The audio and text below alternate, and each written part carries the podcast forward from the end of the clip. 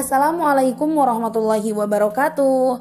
Selamat pagi Akang dan Teteh santriwan dan santriwati Pesantren Daring Kilat Ramadan 1442 Hijriah. Terima kasih atas konsisten dan istiqomahnya bergabung di pesantren Daring Kilat Ramadan yang diselenggarakan oleh Al Hilal dan keluarga muslim, muslim produktif atau yang diselenggarakan oleh KM KM Pro atau keluarga muslim produktif dan Al Hilal. Baiklah Akang Teteh semuanya, puji dan syukur marilah kita panjatkan kehadirat Allah Subhanahu wa taala yang telah memberikan nikmat yang sangat luar biasa sehingga pada pagi yang cerah dan penuh berkah ini kita bisa menikmati udara segar dan kita bisa memasuki hari ke-8 di bulan Ramadan tahun ini. Baiklah Kang Teteh santriwan dan santriwati, pada pagi hari ini kita akan mendengarkan kembali nasihat ibroh atau hikmah yang sangat luar biasa dari sahabat Rasulullah Shallallahu Alaihi Wasallam. Beliau adalah sosok sahabat yang dijamin masuk surga atau salah satu sahabat yang termasuk ke dalam sahabat yang dijamin masuk surga, sahabat yang doanya mudah terkabulkan. Namanya adalah Said bin Jaid.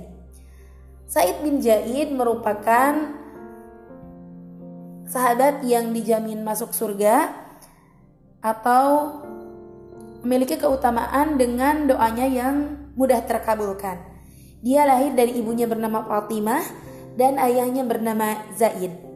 Jadi pada masa jahiliyah sebelum kenabian, ia dikenal sebagai orang yang lurus dalam mengikuti agama Ibrahim atau millat Ibrahim. Tidak sujud kepada berhala dan tidak pula menyantap sembelihan atas nama berhala.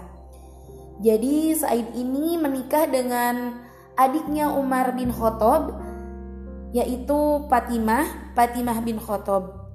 Said ini memiliki beberapa keutamaan di antaranya yang pertama Said termasuk orang yang pertama masuk Islam atau yang termasuk terdahulu masuk Islam, terlebih dahulu masuk Islam sebelum Umar bin Khattab.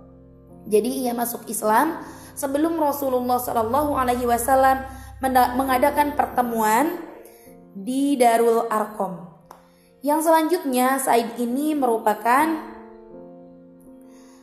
orang yang mengikuti awal hijrah ke Madinah dan selanjutnya Said itu terma Said ini termasuk tidak pernah absen atau tidak pernah absen dari semua peperangan kecuali pada perang Badar karena ketika pada perang Badar dia lagi ditugaskan oleh Rasulullah untuk pergi ke Syam. Tetapi walaupun tidak mengikuti perang Badar dia tetap mendapatkan harta dari hasil rampasan ketika di perang Badar.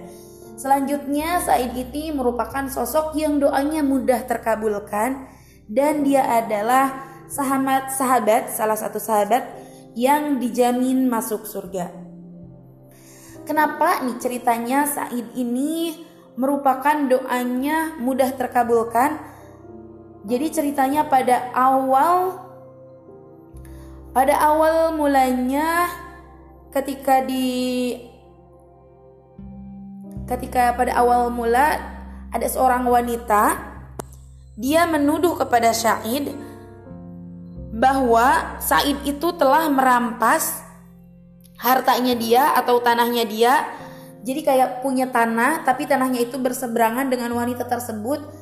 Akhirnya wanita tersebut menuduh kepada Said bahwa tanahnya dia sebagian telah diambil oleh Said.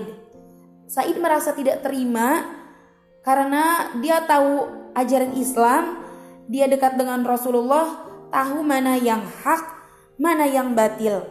Sehingga pada saat itu Said dituduh oleh wanita tersebut dan dia mengelak atau tidak menerimanya. Akhirnya dia berkata seperti ini, dia menuduhku menzoliminya atau merampas tanahnya yang berbatasan dengan tanah saya.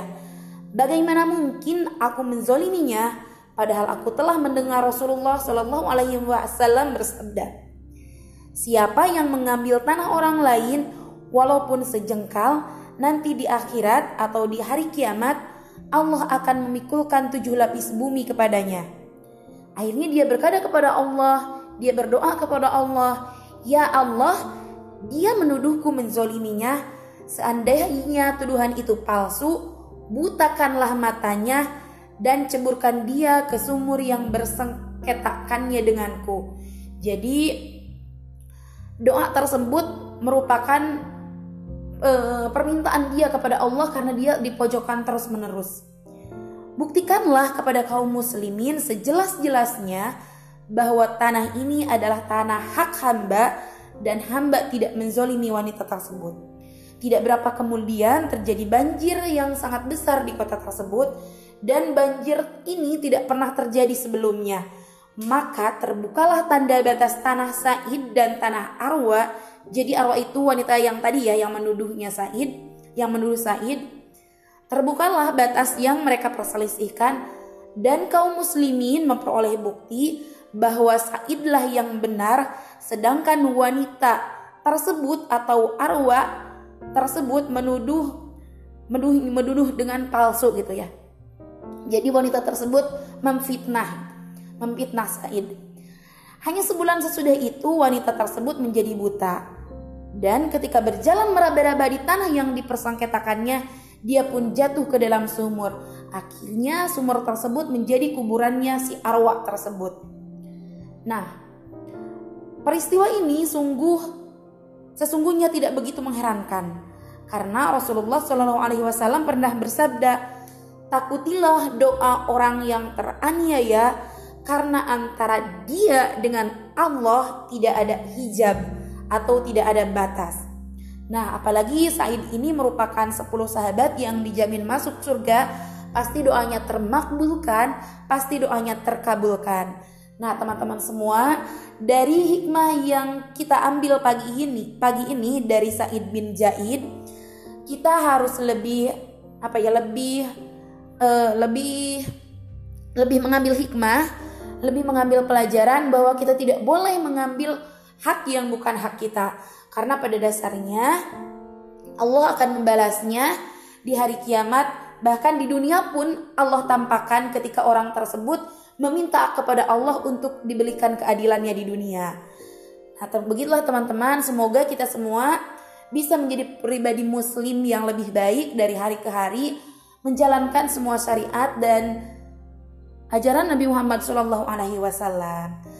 Begitu teman-teman yang dapat Salama sampaikan pada pagi yang bahagia ini mudah-mudahan tetap istiqomah, tetap semangat di PDKR ini bersama Al Hilal dan keluarga musim produktif. Wassalamualaikum warahmatullahi wabarakatuh.